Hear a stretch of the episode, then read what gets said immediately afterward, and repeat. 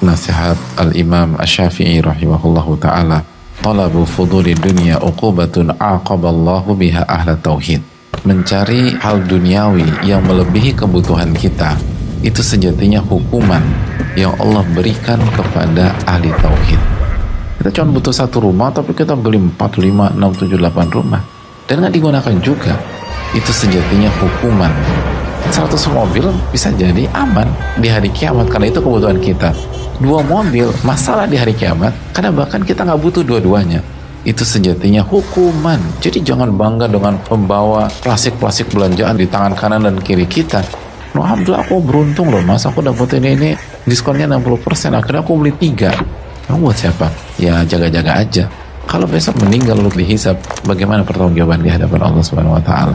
Kita beli makanan buka sebenarnya kita nggak butuh juga itu sama saja memberikan hawa nafsu kita panggung dalam kehidupan. Dan ketika kita memberikan hawa nafsu kita panggung dalam kehidupan kita, maka siap-siap kita didikte oleh hawa nafsu kita dalam kotak-kotak kehidupan kita yang lain. Dan bukankah itu hukuman? Hukuman. Buka puasa adalah kegembiraan. Gembira ketika berbuka adalah gembira ketika seorang hamba diberikan taufik sehingga berhasil berpuasa full di hari tersebut dan bukan bergembira dalam rangka melampiaskan nafsu makan kita yang sudah sempat kita rem beberapa jam sebelumnya. Inilah salah satu pesan dalam ibadah puasa. Kita harus nahan ego kita, hawa nafsu kita,